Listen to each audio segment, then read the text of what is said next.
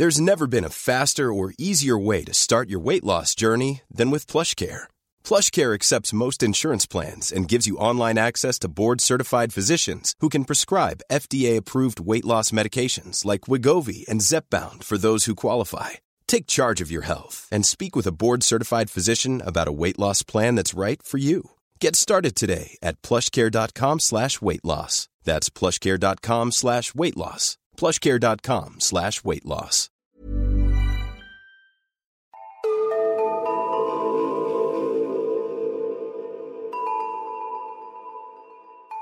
Hej och välkomna till Nära ögat, en true crime-podd för mesar. Mitt namn är Alexandra Kensdottir. Och jag heter Amelia Ingman. Och välkomna till mini-avsnitt nummer sju. Mina källor idag är artiklar från Expressen, Aftonbladet, SVT Nyheter och dagensjuridik.se. Det låter som att det kan bli vårt första svenska fall. Mm, det här är ett svenskt fall. Gud vad kul! I maj 2019 var en lastbilschaufför i 25-årsåldern ute och körde längs med E20, ungefär i höjd med Vårgårda, när han plötsligt märker att bromsarna inte längre svarar. Lastbilen åker norrut på motorvägen och den går inte att stanna. I panik ringer chauffören polisen. Nu gäller det att handla snabbt. Flera polisbilar åker ut och eskorterar lastbilen och ger honom friväg på E20. Samtidigt som alla tillfartsvägar stängs av så att det inte blir att fler bilar kör ut på motorvägen.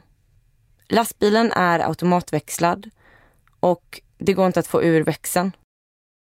Så han kör i runt 50 kilometer i timmen.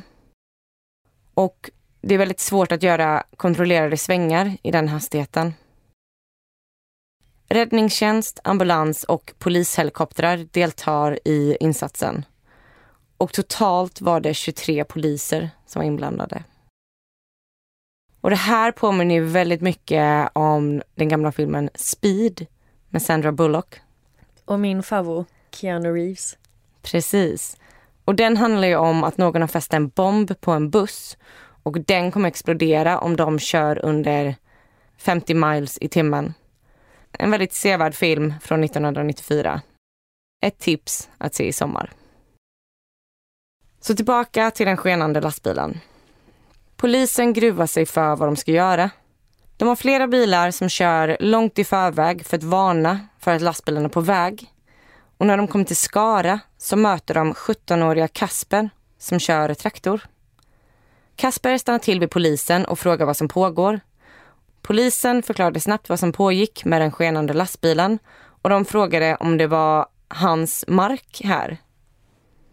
Och det var det.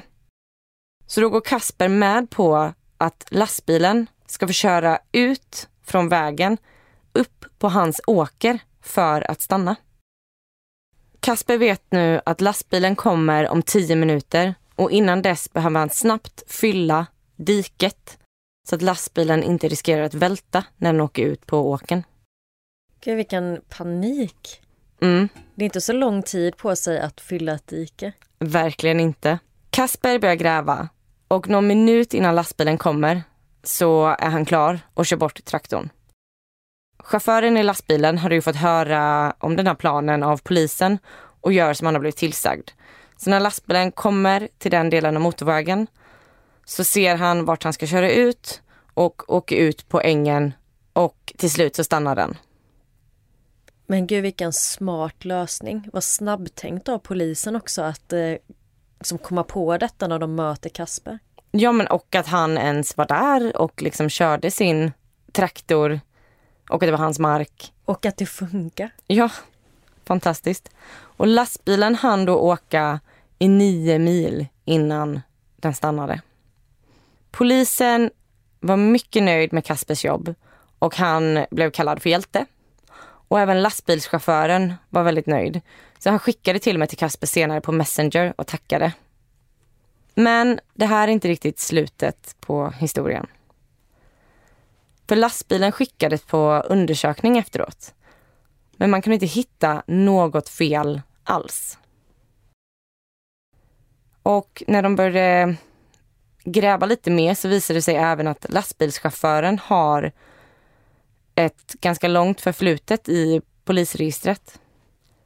Mellan 2015 och 2019 så fanns det bland annat 12 trafikolyckor, två olaga hot, grov misshandel, misshandel, försvunnen person och skadegörelse. Några år tidigare hade chauffören arbetat på ett HVB-hem som väktare. Och där hade han sagt att han hade blivit beskjuten och försökte polisanmäla ett dråpförsök. Men de han försökte anmäla visade sig vara poliser som var ute på spaningsuppdrag. Som absolut inte hade skjutit mot honom. Och under tiden som den här killen hade varit lastbilschaufför så hade han åtta gånger anmält att det var något fel på lastbilen han körde. Och den hade behövt bärgas och undersökts. Men aldrig någonsin hittade någon något fel alls på någon av lastbilarna.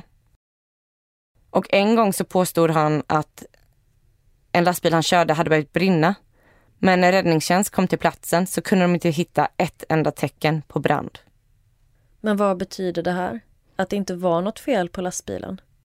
Exakt. Varför hittade han på det? Ingen aning. Men han har ju en historik i att ha hittat på en massa andra grejer tidigare. Och lastbilschaufförens chef berättar att 25-åringen har kostat företaget mycket pengar. Inte bara på alla felanmälningar och undersökningar och bärgningar utan även för de missade körningar som mannen inte genomfört som då lett till förlorade intäkter. Han ska ha kostat företaget minst 130 000 kronor. Så onödigt. Det var 23 poliser, det var polishelikopter, det var räddningstjänst. Mannen blev i alla fall åtalad för grovt falskt larm, vårdlöshet i trafik samt hastighetsöverträdelser i Skaraborgs tingsrätt. Och han blev dömd till villkorlig dom med 160 timmars samhällstjänst. Selling a little or a lot? Shopify helps you do your thing however you cha-ching. Shopify is the global commerce platform that helps you sell at every stage of your business. From the launch your online shop stage to the first real life store stage, all the way to the did we just hit a million orders stage. Shopify is there to help you grow. Shopify helps you turn browsers into buyers with the internet's best converting checkout.